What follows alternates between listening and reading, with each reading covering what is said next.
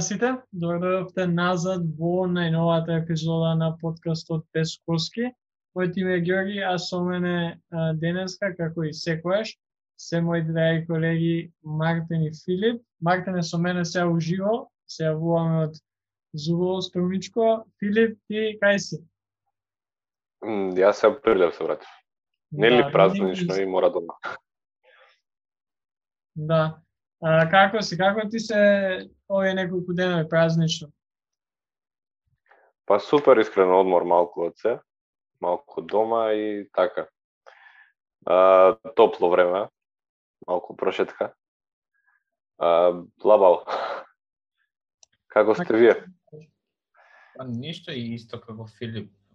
Одмор малку, продужен викенд, малку а, нема стресови, нема нема ништо и одмараме со фамилија и тоа.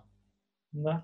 А, интересно нешто што еве, овие неколку денови премногу спиев, тоест премногу имам спиено споредено со порано, така што немам толку многу гледано кошака ани бейсбол, пошто бейсбол сега моментално повеќе гледам, барем, барем устедниве 15 на дена, додека да почне плейофот, а, кој што официјално на 17 почнува, да.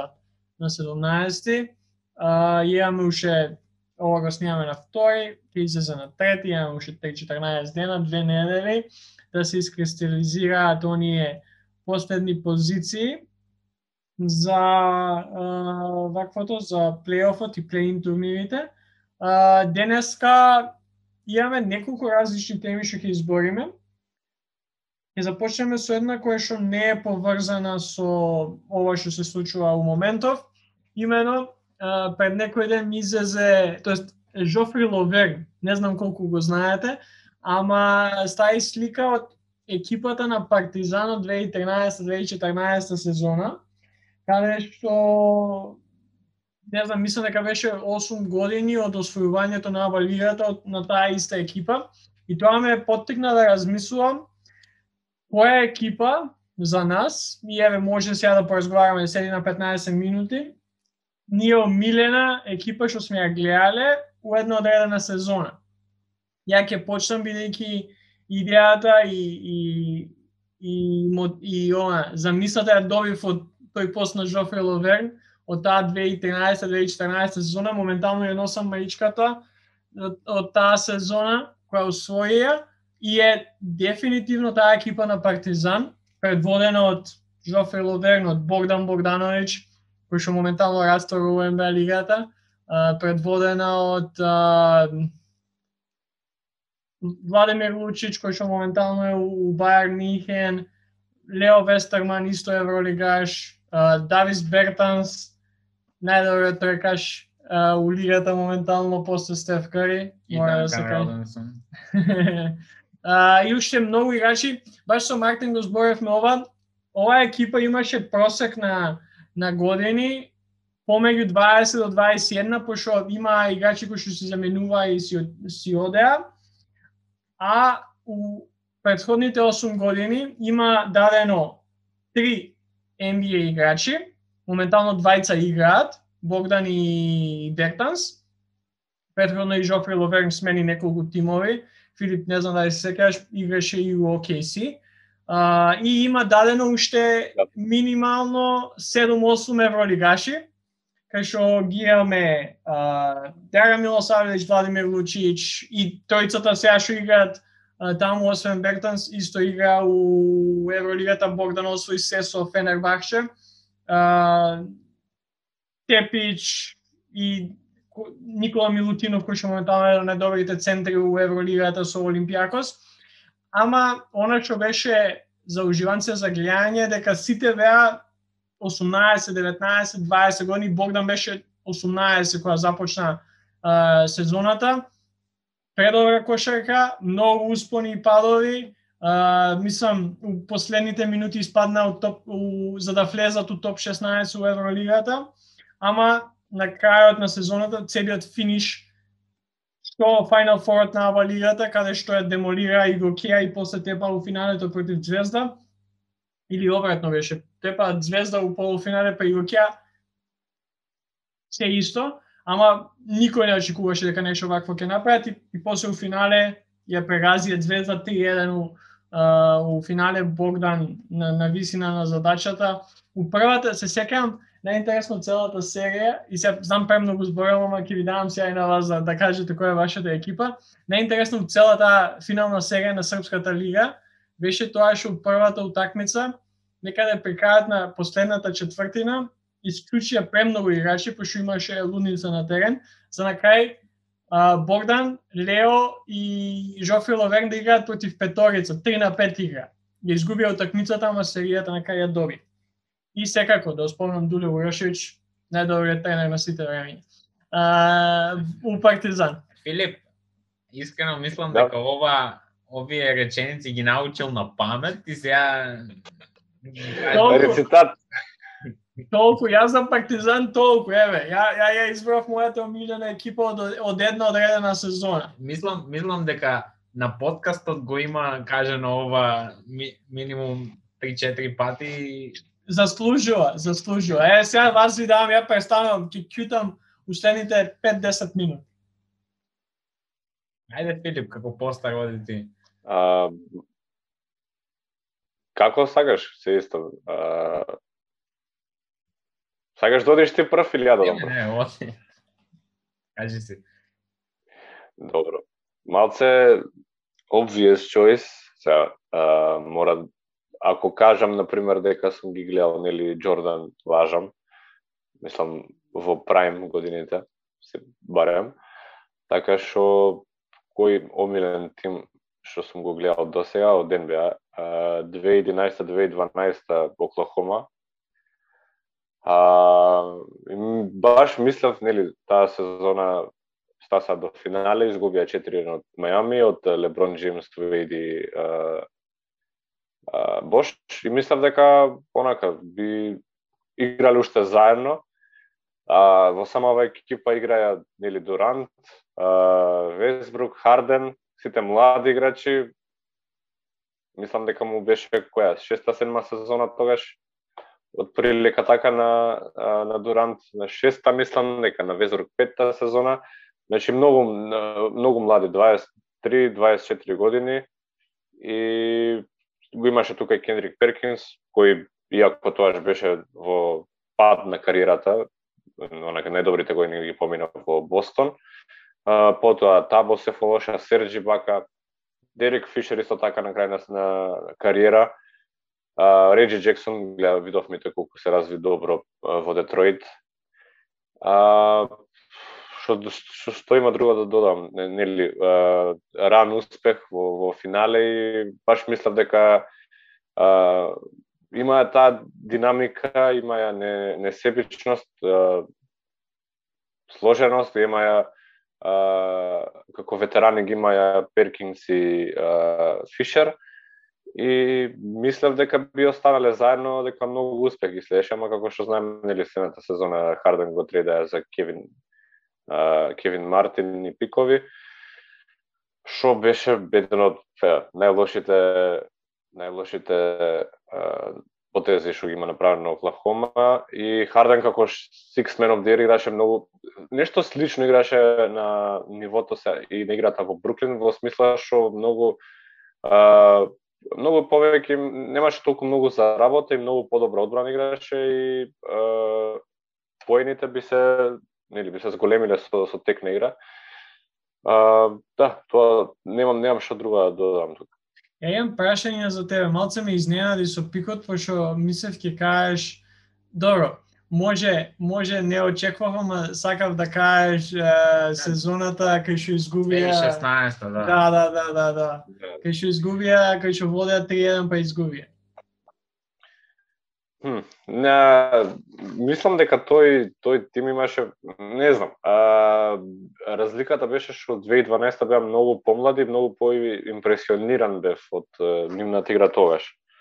И колку имав тогаш имав 14 години, завршував основно и ми беше онака кул да ги гледам како тогаш и во најголема со најголема желба да речам за кошарка, тогаш ми остави онака најголем впечаток.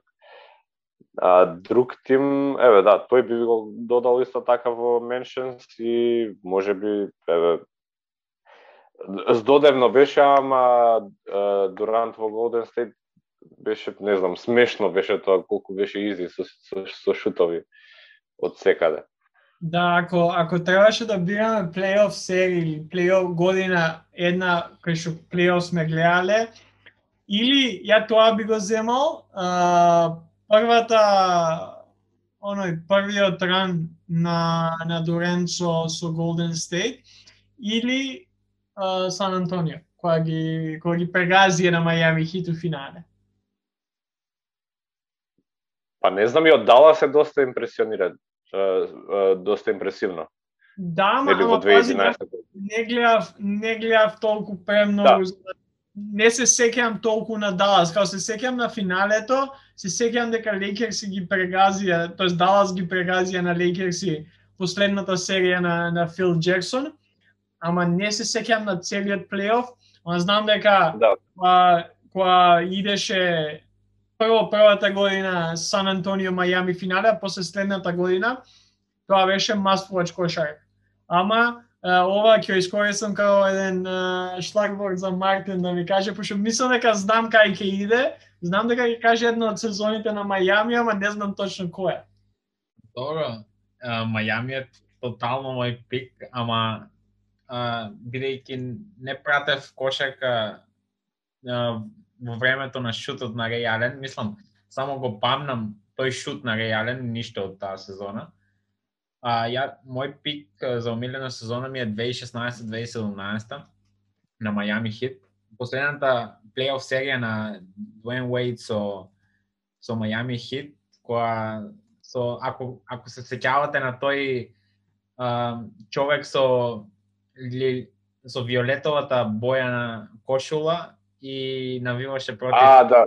против Уейт со тука бандана бела и тоа ми е хајлайтот од таа сезона, ама на почетокот Мајами добија вест дека Крис Бош ќе се пензионира и дека има проблеми со срцето и како Мајами беше во некоја а, фаза на распаѓање на тимот, бидејќи Двен пост... а, му се ближеше пензија, на Бош пензија, има млади играчи како Шабас на Пиер, Джастин Уинслоу, Тайлер Джонсон исто, Джон, Джеймс Джонсон како тотално непознати фаци, ама а, таа сезона прв пат нели од а, како 2014-2015 која година после финалето на Спарс и уште не гледав тогаш кошака, ама сепак најавав за Мајами Хит. Но во 2016-2017 се осетив како фан, како тотално се приближив до Мајами Хит и затоа таа ми е умилена сезона, иако не направија ништо, нели? После таа титула не во 2013 не направија ништо, мислам, со NBA шампионатот, ама како би, кога би бегал сезона 2016-2017 ми е милена и иако и ова сега сезона во од која беше ми беше тотално доста добра, ама сепак тој хайлайт од Дуен Уейт против Шарлот Хорнетс ми е ми е омилен дел од навивањето на Мајами Хит. Да, мене а е, има некои такви екипи кои што уживаш во гледање, ја мислам Мајами, Мартин ми беше интересен, пошто кога беше помал, почна да за Мајами заради Леброн Джеймс. Ама после, после тоа остана и после заменувањето на Леброн. А, така што мило ми е што избра едно од тие а, сезони. А, сега кога збориме за плейоф и кога збориме за, за такви некои ранови, мислам дека време е редно А, збориме малку за актуелна кошарка. Да, да збориме за актуелна, ама не само за актуелна, туку да збориме за Нью Йорк Никс. А, не кефме минатата днела да збориме, пошто има девет врзани победи поред, па не сакавме да ги урочиме. А, после нашата епизода која излезе минатиот понеделник изгубија, сега можеме да, да збориме за нив. Никси се моментално четврти, а, со 35 победи, 28 порази. Мислам дека најверојатно ќе успеат да се пласираат до плейоф. Па плей-ин секако играат. Секако плей играат, ама сакам да кажам, најверојатно ќе влезат у плейофот, а, без тој плей-ин турнир, бидејќи за нив се Па не би рекол дека без плей-ин не. Бидејќи за нив се Атланта, Атланта- Бостон и Мајами. Да, ама моментално се у пол позиција. Тоа е најбитно за Никси. Секако Никси се Никси, колку и оваа сезона да да не а, убедија у нешто поразлично, кога гледаме нова генерација на Никси, гледаме некој нов систем на Никси, тоа е убаво да се види. Кои се, мислам, зборевме за за за Рендал и за за почетоците на сезоната, ама еве, Филип Мартин, кои се некои први впечатоци или први мисли кои видат у главата кога збориме за Нью Йорк Никс? Е, на 15 дена пред почетокот на плейоф. Искрено, прва мисла за Нью Йорк Никс ми е Том Тибодо и се што прави Том Тибодо во екипата.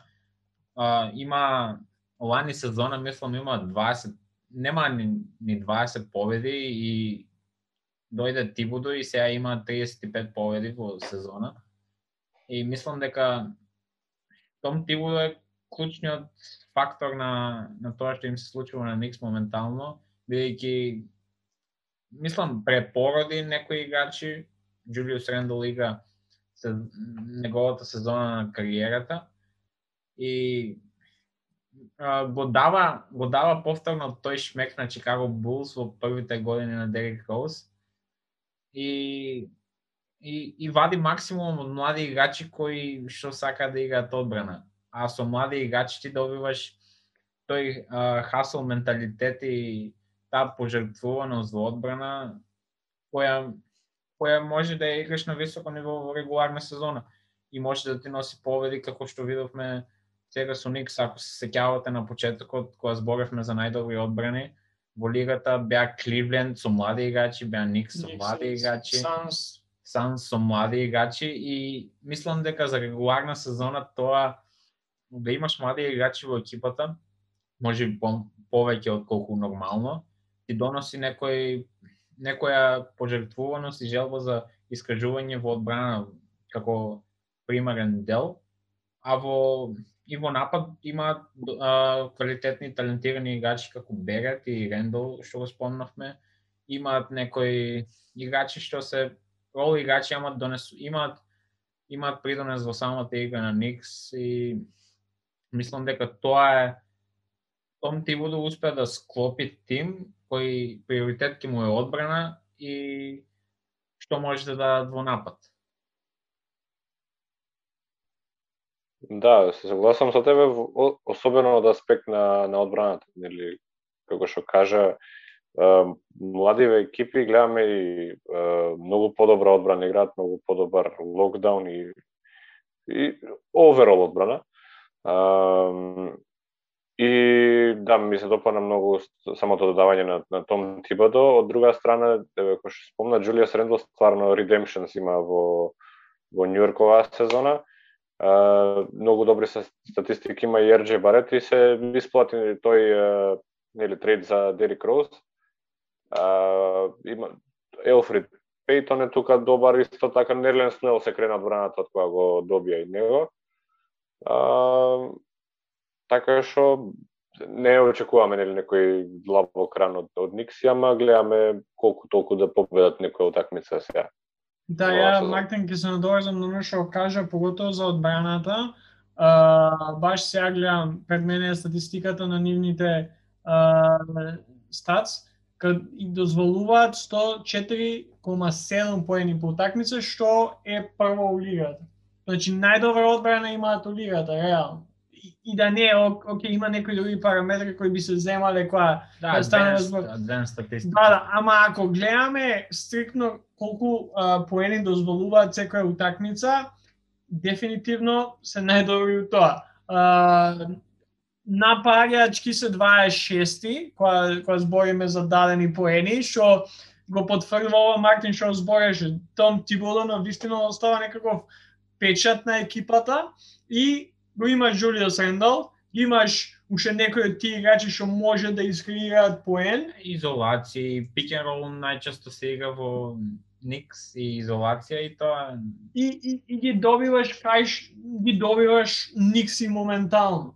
Да, мислам, тоа не е рецепт за длабок хран, нели? И требаат по, поквалитетни играчи, ама со поквалитетни играчи ти се расипува одбрана и добиваш на напад и нели моментално NBA тимовите се креирани напад да произведуваат поени многу, а во одбрана кој колку може.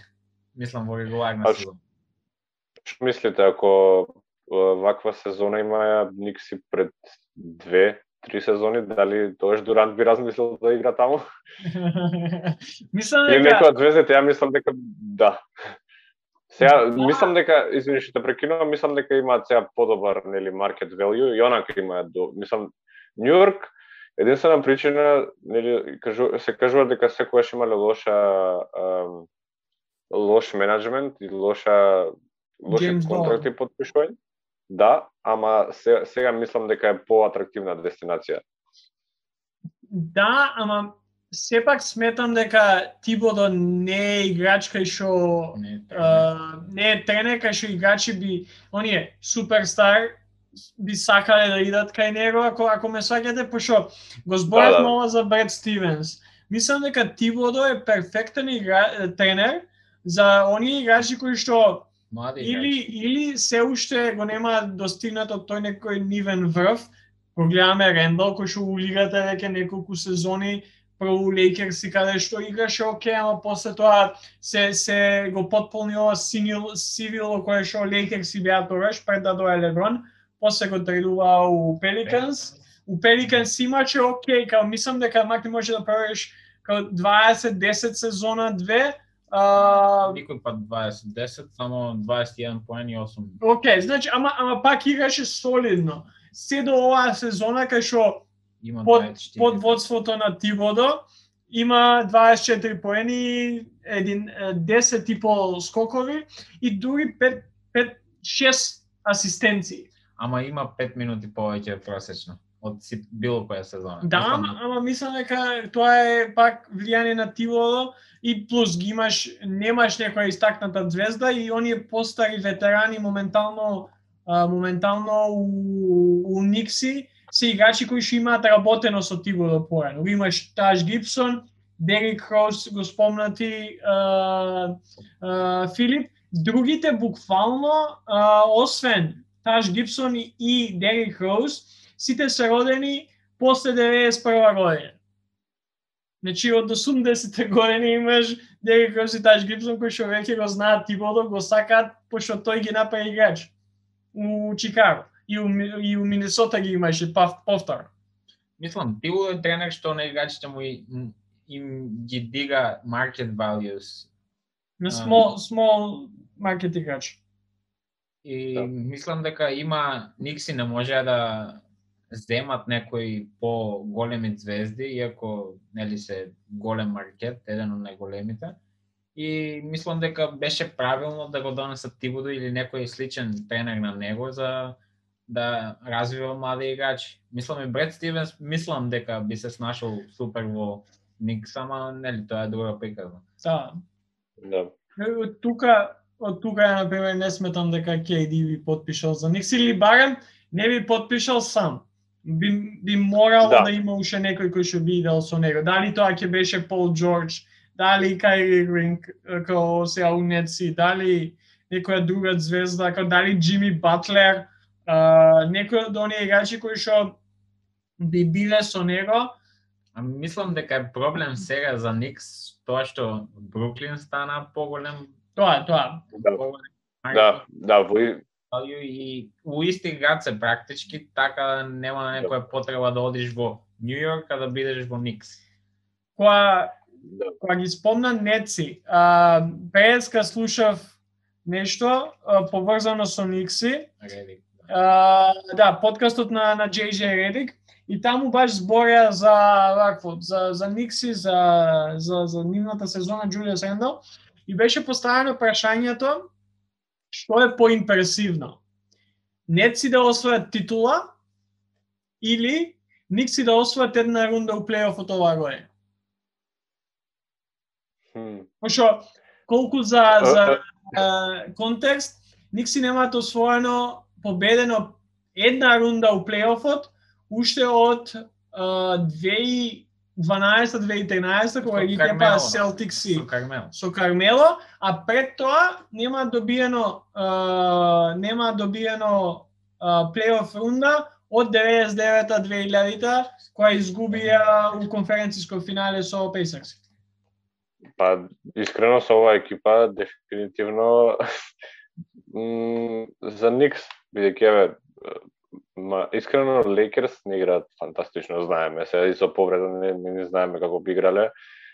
Маре е повреден, Донован Мичел се повреди, добро, не знаеме колку е сериозна. Мислам, немам видено, еве, да кажам колку е сериозна неговата повреда. А, Милвоки, оке играат, Филаделфија пак се со проблеми. Клиперс сте доста подобри од лани, а Феникс мислам дека не сакам да ги зарекнам, ама мислам дека би отпаднале до до конференциско финале максимум. Да, така што искрено Бруклин стварно имаат многу големи шанси ако останат здрави сите. мислам ги забораваш и Милвоки Бакс на истокот и Sixers. Не, не ги ги И- спомнав, ама искрено ако играат на сите тројца на онакво ниво како што треба да играат, мислам дека нема кој да ги победи барем на исток. Да. Да, од таа страна а, дефинитивно ја би избрал поимпресивно би било Никси да победат па, една серија у плейофот, поготово дека како до сега се одвива она плейоф слика на на истокот, Никси секако ќе играат против една од екипите. Хокс, Бостон или Мајами. Значи, едно 70% шанса дека Никси нема да имаат лесен противник у прва рунда. И а, ако успеат да ја пресликаат одбраната од регуларната сезона, Джулиус Рендал да биде на тоа ниво и уште подобар, да има некоја подршка од останатите, може да им дадат, ја, ја би мислам дека може да се надпреваруваат со Атланта, а, со Бостон и Мајами, секако би им дал предност на Бостон и Мајами. Ако у случај дојде и Никси паднат уште подоле, па играат против Милвоки, Филаделфија или Бруклин, мислам дека би било една невозможна мисија за нив. Па од тука поимпресивно дефинитивно би било тоа. Ако гледаме историски, Неци никогаш немаат да освоено NBA титул. Неци која година идат, значи Неци идат а, 76-77 у NBA лигата, Да, па има со Кит 2002 имаат финале. имаат а, конференциска Да. титул 2002 и 2003 една по друга, немаат освоено титули. Дивизијски титули имаат само тој некој ран 2002 до 2006 и пред и после тоа ни- неци не постоја. Значи ако гледаме историски и двете работи би били импресивни, барем за мене, пошто неци немаат ништо освоено, а, а Никси реално освен таа серија у 2012-2013 против Селтикс која ги добија, после изгубија од Пейсерс и она екипата на на Дени Грейнджер, Рој Хиберт, Джордж, а, Пол Джордж, а, Рој Хиберт, да, Дейвид Вест, тоа ќе изгубија 2-4 Стивенсон. после нели Пейсерс се изгубија од Мајами, Мајами у финале. А, а, пред тоа оние а, серии од 90 крајот на 90-тите години, кој изгубија у финалето од од Спарси у 99-та. А, и и нели за таму престанува она оној ран на, на Никси, така што и двете би били импресивни работи да се гледат, иако малце жално е да е тажно е кога збориме за Никси, да освојат една една рунда би било вау, импресивно, ама што е тука? Мислам дека ова е почеток, кога се гледа почеток на крајот од тунелот за Никси. Така би го нарекол ова, оваа сезона. Па за мене, искрено, јас не би се сложил со вас двајца и мислам дека ранот на Бруклин Нет за до титула би бил поимпресивен од освојување на на една серија од Никс, бидејќи видејте, а, а, гледајте, ако ако и сметаме од почеток на сезона, нели? Бруклин Нетс и Никс предикции за почеток на сезона. А немавме толку големи предикции за Бруклин Нетс да да се прошетаат до финале, немавме толку големи предикции Никс да стигнат до плейоф. Значи, малку ни се зголемија очекувањата и за двете екипи.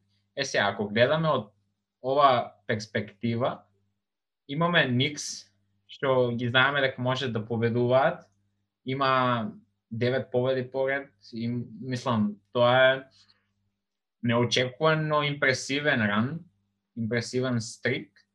И мислам дека јас сметам дека може да победат и Бостон Селтикс кои не се во најдобра форма, Мајами Хит кои не се во најдобра форма и сите тие тимови на на истокот кои се помеѓу четврто до десето место, а Бруклин Нетс на друга страна ги имаш Харден, Кайри и Дурент, кои имаат, прочитав само 16 такмици, мислам, заедно имаат играно во целост, цела сезона не ме фаќајте за збор, не знам дали е точно, ама околу 10 утакмици да кажеме, имаат изиграно заедно. И мислам, не, не сме сигурни дали тоа ќе остане така и во плейоф, може би ќе се повредат или нешто, бидејќи многу е потешко да, да победи 16 утакмици со било каков ростер, отколку 4 утакмици со не е толку слаба екипата на Никс да ги подценуваме да не да не може да победат 4 такмици. И на мене па... дури импресивно само по себе да останат Кайри Харден и Дурент здрави два месеци. Сите заедно тоа ми е како импресивен чин самиот по себе, а, освојување на титула уште поголем од тоа. И мислам Јас... дека... То кажи, сори. Не, мислам дека тоа е поимпресивно од колку серија на Никс. Јасно, јасно, јасно. А, не сакам особа да тровува шейд или што така, ама мислам дека самиве повреди се случуваат, ама еве Сега, имаме, имавме посериозни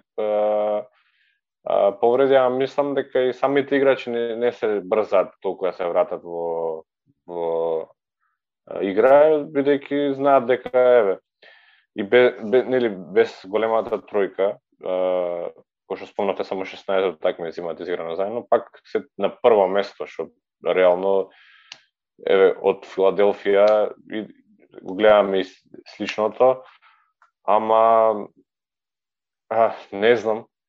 А, не дека не дека Нью Йорк се се се се слаби, работаве што другиве другиве екипи што се понив се Атланта искрено би ги рангирал дека се подобри моментално од по Нью Йорк.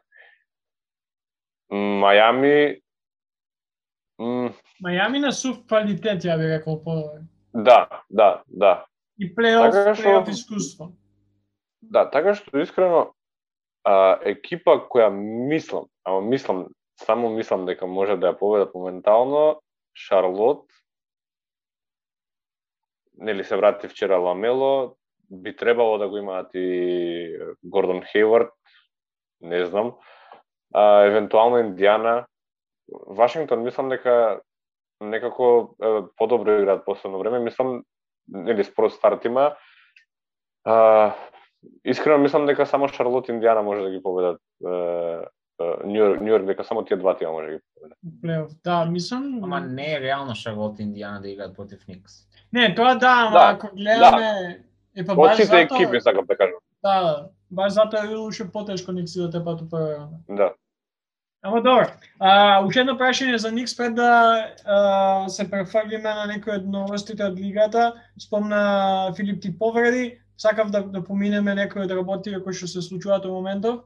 Ама, е, прашање, вакуум, не, не гледаме други играчи, не гледаме а, логика, не гледаме, како ќе се прави рангирањето, ама дали Джулиус Рендал заслужува да биде first team All NBA оваа година?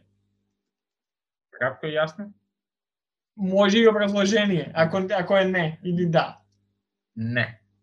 Оке, Филип? Ја мислам дека не. Ја, јас сум на граница. Јас сум на граница, мислам, бидејќи мислам дека има сезона која што може да, да се направи аргумент за да биде first team NBA. Ама, ама ај прво вас да ве слушам зошто мислите дека не.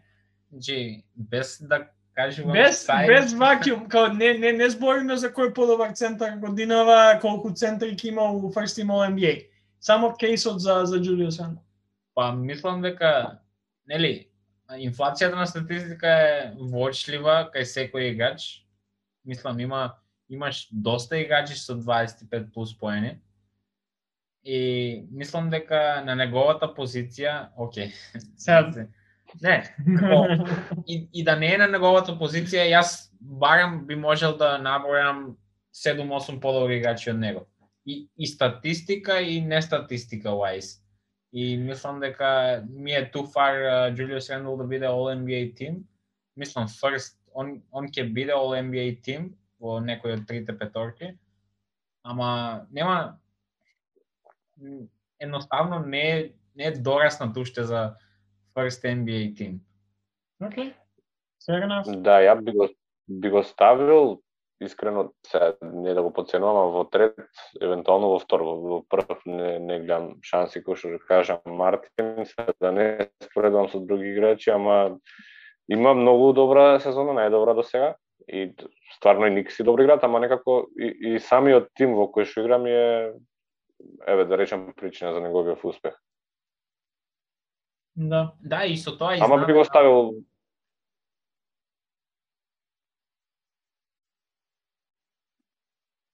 Можеш да кажеш, извини што да прекинав. Да, не, не, нема гаѓа. Би го ставила во во All NBA third team секако, во нај, најмногу во All NBA second team, ама мислам дека и third team е доволно. Да. Јас, јас сум на граница помеѓу прв и втор тим, реално. А, освен, се согласувам, да, има многу играчи кои што се у 20 плюс, 20, 3, 4, 5 плюс поени оваа сезона. Има голема инфлација на, на, на статистики, а, поготово дека Никси, ако гледаме, немаат онака а, јасен втор играч, а, така што Рендал има Добро, а, Берет мислам дека е јасен. Да, ама, ама Да. ако гледаме продукција и ако гледаме кај иде топката, 99% ќе иде у Джулио Рендал, кој е најважно. Ама, небитно. А, мене нешто што што ме привлекува кон прв, дефинитивно втор, е а, неговата ефикасност. А, 42% шут за, за 3 поени, а, 48 шут за двојка, се вкупно а, 46, не троши многу топки, има дабл-дабл, поени и скокови, и ш, скоро па 6 асистенции по утакмица. Значи, а, прераснува у еден као комплетен пакет играч. Ако гледаме Јокич, он е малце по послава верзија на Јокич, ја би го нарекол, кај што може би го нема IQ-то на Јокич, може би бол хендлингот не му е таму на Јокич, а, ама има многу а, многу а, а, на, напред, многу голем напредок кај него, пошто ако гледаме, поготово кога станува за, за тие некои плеймейкерски способности, најдобрата сезона за него у асистенции му е 3.6.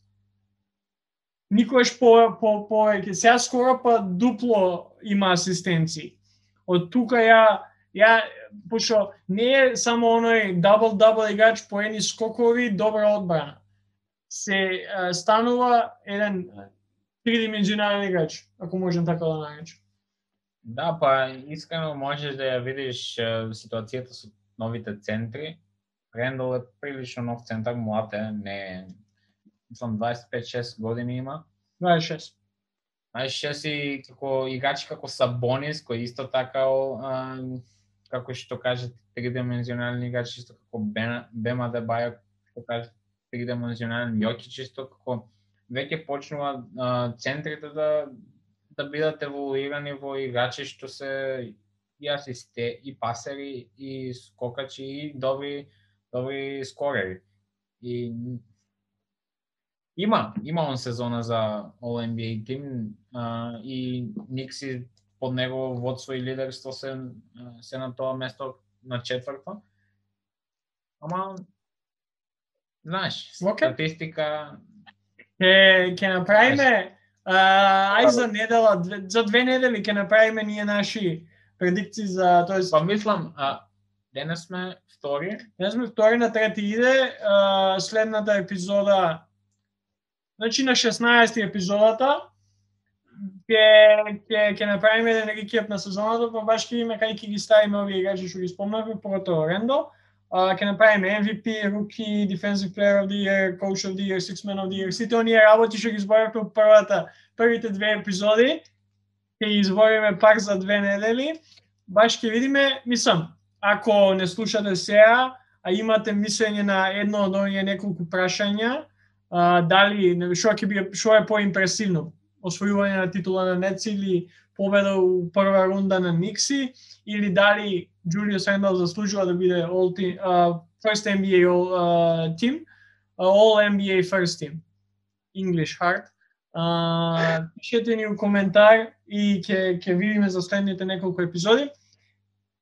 Да кажам само околу повредите, Леброн се врати, Кейди веќе недела дена е вратен, Растура има добра, стварно добра недела. А, ова што прочитав за Донован Мичел последно, ќе пропусти барем уште една недела. Ја очекувам да се врати таман за плейофот, пошто реално Јута или ќе бидат први или втори на, на западот. А, дури кој, кој Ламело се врати пред некоја вечер, тоа е, е голем плюс Да, за. Шаркот.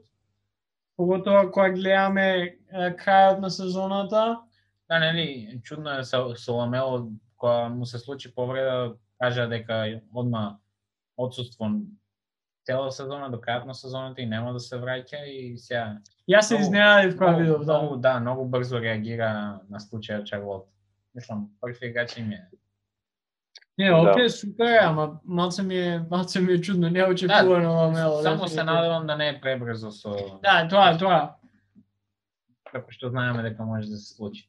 Поготово екипа. Хейвард исто треба да се врати. Е, Да, Шарлот ќе ќе биде Да. интересно да се гледа. Да, Хол, ама Да, голем бонус, да. интересно ќе бидат на пример Шарлот како осмо место ако влезат или или Wizards со Били и Весбрук како интересни, мислам интересни дуели ќе гледаме. И, Да. Wizards, ја ја ја ги сакам едниот плей-ин турнир. Вашингтон Wizards, Весбрук и Бредли Бил. У другиот Портланд и и Дейм Дейм и Тоа ќе биде лудница. Јас јас сакам Джеймс и Дейвис у плейн. Океј. Последно за со денеска. Кажи. Со спориот старт на Вашингтон, последно време стварно многу растур прават. Как, како беше, имаја некоја серија 8-9-0, мислам. Да, да, има има и они серија не, нешто налик на на Никси, само што имаат послава сезона од Никси. Ќе биде ќе биде интересно плейн турнирот ќе биде стварно интересен.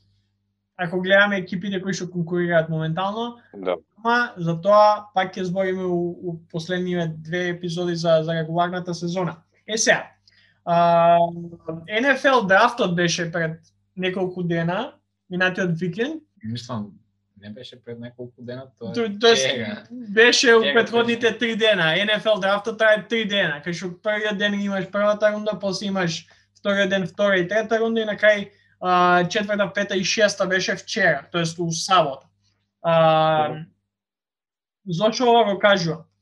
Поради драфтот ме подсети дека ние немаме направено драфт од дамна а, и сакав поради тоа што нели драфт драфте, поради тоа што млади играчи екипите бараат она што им фали. Јас сакав да направиме еден мал мини драфт, ние тројца, а, пет рунди, каде што ќе го креираме нашиот совршен кошаркар. Ќе ќе идеме по стилот на тоа, ќе мора, нели, да избереме една особено од еден играч И ако, например, да, на крајот треба да имаме играч кој што ќе биде опишан со тие карактеристики особени кои што ќе ги соберам. Јасно, јасно ни е што правиме? Да. Океј. Дај да, ја немам направено, а, немам направено драфт симулатор да видам кој прв ќе иде, пошто мислам дека ја имам прв пик кој што знам дека мора да иде прв. Ама добро. А, ова нели сме го зборали и порано. М Само да да најдеме или знаете како?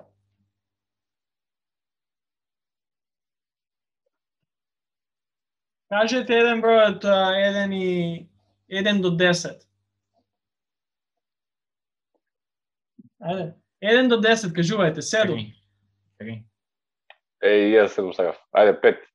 5. Сега ќе идам generate тројка. Мартин ти си прв пик. А, Филип ти си втори, а трет. Ајде. Па сме збориле за нели први најдобриот скил на еден играч и мислам јас би го земал шутот на Стеф. Океј, ова Добро. мислам Значи, дека Мартин О, тоа беше тој пик кој што ја би го земал неминовно. Шутот на Стефен нај еден од најдобрите карактеристики еден играч може да што може да ги има. А, Филип, Добро, јас би ја взел Атлетика лонгетивити што на, на Джеймс. Атлетика нека би. окей. Пак, еден од оние работи кои што на вистина ти требаат кој играч, сакаш да играш 20 сезони, поготово да, да биеш со сек, да, да не да не имаш повреди као Джеймс. Ја идам а, work ethic на на Кови, Мамба mentality. Мислам сега морав морав Мамба а, Мамба mentality да го земам и а, четврто се мислам Извини, по колку, по колку пикови јаве? По колку Пет, пикови пет. јаве? Пет. А, четврто, јас се мислам помеѓу две работи, нема да ги кажам кои се, ама ќе ќе идам со со килер инстинктот на на Майкл Джордан.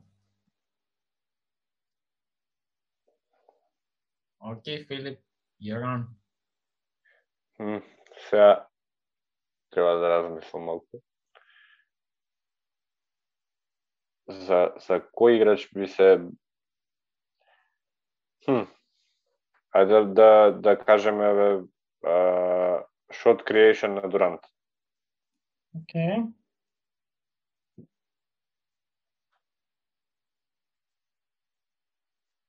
Uh, Allen Iverson uh, handles.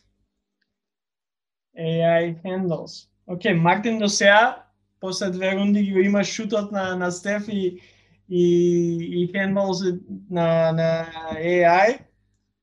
Филип го има longevity и целиот целата гадба на Леброн и uh, shot creationот на на Дурента, ја го имам мамба менталити и килер инстинктот и онај се тоа што иде со со Майкл Джордан. Уф, сега тежок пик ми е, не знам, немам ништо испланирано, ама мислам би го земал Dream Shake-от на Хаким Олајджуон.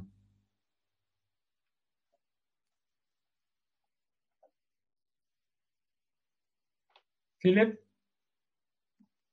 Ако ти зеде на AI Handles, тоа ја на Ирвинг би ги взел Handles. Да, па си мислев помеѓу кој има подобри handles, Iverson или Irving, пресуди нели симпатијата кон Iverson повеќе. Да, ја идам овде лесен пик, шутот на, на Реджи Милер. А, Еј, чудно да прескокнеш Ѓорги Реален. прави old school играч. ја, Реджи Милер, као Реј Ален, се мислев, Реджи или Реј, идам со, со Реджи Милер, пошо шутот би го избрал на Реджи, ама ако треба да бирам Реджи, би го избрал Али. Затоа го бирам Реджи Милер. А, десето. Овде сега сакам да земам една една а, компонента која што мислам дека е многу важна за играч, као и би можел да добием од повеќе играчи, ама ајде да не биде ептен old school мојата екипа, би го земал IQ-то на Никола Јокич.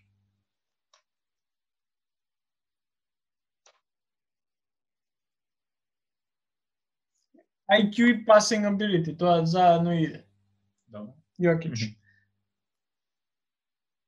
Филип? Хм. Ам... Вака се, се мислам за одбрана и вајда би одел blocking skills на на Мутомбо. Nice one. Um, јавто мислам за тоа. Одбрана. А, мојот следен пик би бил um, ќе ми изберал сега. Uh, passing ability на Magic Johnson. Magic. И нели како целиот негов начин на додавање. И за последно а, не знам ако сакате да го скокнам и Не, после не, да чекам. А последно е бидејќи не додадов одбрана, би додал одбраната на Бен Уолас.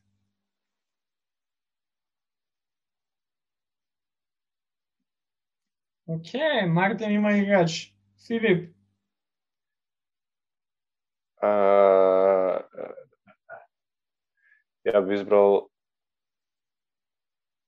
passing skills на Џон Стоктон. Стоктон. Интересно е дека додававме, знаеш, шут, а, после нешто handles, па нешто пас, нешто одбрана, знаеш, како не, кај не сакајки, а, знаеш, створивме играчи. цел играч. Ја тука сега мора одбрана сега да земам. Мислам дека Јокич го имам тука IQ passing, а, MJ, Мамба менталити, како ќе се научи овој играч да да да додава. Мора да земам, мора да земам добра одбрана. Се мислам помеѓу двајца, ќе ги кажам и двајцата, пошто а, нели, повеќе нема. Дали или ќе биде Гери Пейтон, или Тони Ален. Искрено Гери Пейтон, The Glove, Ја, не за џабе ја- го викаат The Glove. Сакав, сакав Тони Ален чисто заради она шок value, пошто никој не е толку лош играч како Тони Ален што го избравме, ама идам The Glove, одбраната на, на Гери Пейтон. Добро, тука има и Майкл Джордан и Скот Пипен. А, дека... Има доста добри играчи со... Ама веќе MJ го имам, не ќе да, да земам некој па од Булси, се мислев помеѓу не, окей. Значи, вака, идеалниот играч на Мартин, со кој што испадна на крај, е шутот на Стеф, после тоа го има а, хендлот на Ален Айверсон, хукот на Олајжу Вон, го има passing skills и, и но на додавањата на, на Magic и одбраната на, на Бен Волас. Мислам, а, еден коментар, мислам дека го, го добив со решениот плеймейкер со нешто повисока висина. Значи Magic надоградена верзија на Magic Johnson. Да, со, со шут и со... И со шут. И и со. Хаким. И со Хаким скил Ова Magic Johnson на стероиди ова. на големи стерии. Добро, ми се свига, ми се свига. Филип, ти ги имаш longevity и градбата на, на Леброн, го имаш shot creation од uh, создавањето на шут на, на Дурент, го имаш а, хендал со на Кайри, Мутомбо, одбраната и блоки, блокадите и а, Стоктон, како додач. Коментар? Не знам, на, на доградена верзија на Леброн или на Дурант. На Леброн со добар шут. Реал, ле, реално, Не, мислам, Реално- ти го имаш најдобриот скорер. Оу, добро. А- а, ама добро, еве, може би најдобриот скорер од сите нас. Мислам како имаш Леброн и плюс имаш елегант, мислам shot creation на Дурент и имаш уште Кайри Сендалс. требаше да кажам ефикасност од Дурентот и Дурент стварно има толку добра ефикасност последно време, или со тие што му беа во, во Голден Стейт 160% шут. Ама да, Предобар. Предобар. Океј, ја. А, Mamba Mentality, MJ Killer Instinct, а, го имам шутот на Реджи, на Реджи Милер, IQ-то на Јокич и одбраната на Гери Пейтон. Ја мислам, Да, мислам неговиот е најкласичен скорер играч. Да. И плюс многу многу многу влезе во психата на играчот. Чекај, ја мислам Да. дека имам Коби и Майкл Джордан уедно, со подобар шут, да со речеме, по, многу подобар шут од, од, од Коби и Майкл Джордан.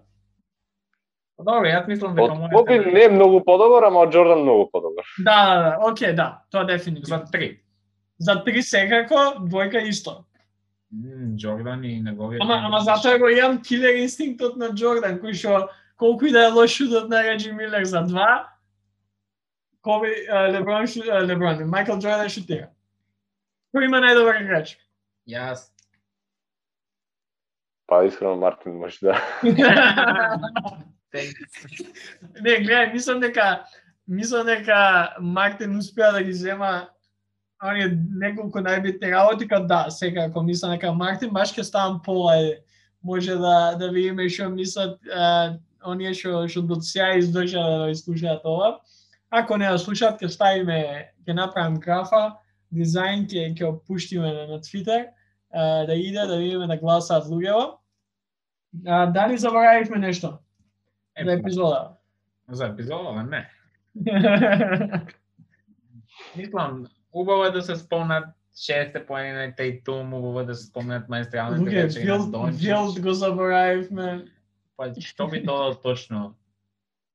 Кој е нешто? Не, не, не, се шалам, се шалам. А, да, а, комично ми беше ова со, со Тейтум и 60-ката, нема да Да. Океј, подвики, ама што ако сите почнат да прават со 60 и 70 Иако беше иновативно, значи не беше фотомонтажа од Вилд, туку беше онака вистинска слика од, од Джейсон Тейтум. Да, да, ја прво кога видов се видов поблиску дали е монтажа или или е вистинска слика. Стварно го направија, стварно го направија. А, ја уште нешто сакам да кажам. Слободно. Богдан Богдановиќ. Океј. А, знаеш, Филип, мислам дека треба да, знаеш, да капнеме уште на почеток кога се збори за партизани играчи или за општо за партизани или за нешто партизан, бидејќи Богдан, окей, Богдан имаше феноменален месец а, а, април, 22 поени скоро. Шут за 3, 48,5 проценти, 49 шут од игра, скоро 5 скокови, 4,5 асистенции и има дајано вкупно 66 тројки у април, што е 11 повеќе од рекордот кој што има постигнато Кайл Корбер 2015 година, ова за Атланта Хокс нормално. Имаме Стефи и останативе. А Богдан Богданович е подобар играч од Кайл Корбер надјат. Морав да кажам, а, не се ја друго неам. Нели Филип, this uh, overwhelming е веќе ова. Љубовта кон партизан и Да, мислам, губиме слушатели од ова. Луѓе, што да ви правам сега? Богдан игра стварно добро. Да не игра, као на почетокот сезоната кога беше повреден, не кажа збор за Партизан.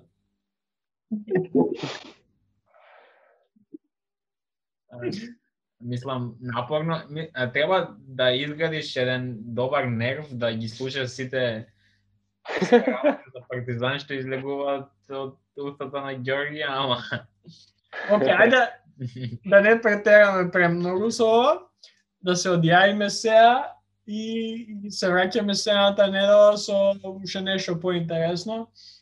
Ја ќе пробам да не зборам за партизан. Ми, епизода може да издржиме без него. Нема, интересно е како ги спојува раб, работи ситници спојува со партизани. Со партизан. Некак, некако 5 минути мора да одделиш од епизода. Е, ако навивате за Црвена звезда, извинете, ама на сори над сори. Што да ја кажам. А, важно. Ајде, се слушаме следната недела, се надеваме дека Никси нема да нема да ги урочиме до крај, па да не дај Боже не влезе до плейоф после плейн турнир. А, се надеваме дека Богдан ќе продолжува да да пружи феноменални партии и а, да, гледајте кошака крајот на сезоната е тука, издржавме некако, преживеавме цела регуларна сезона.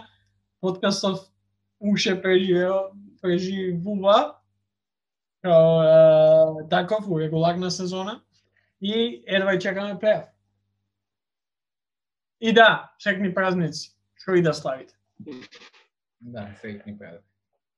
Срекни празници.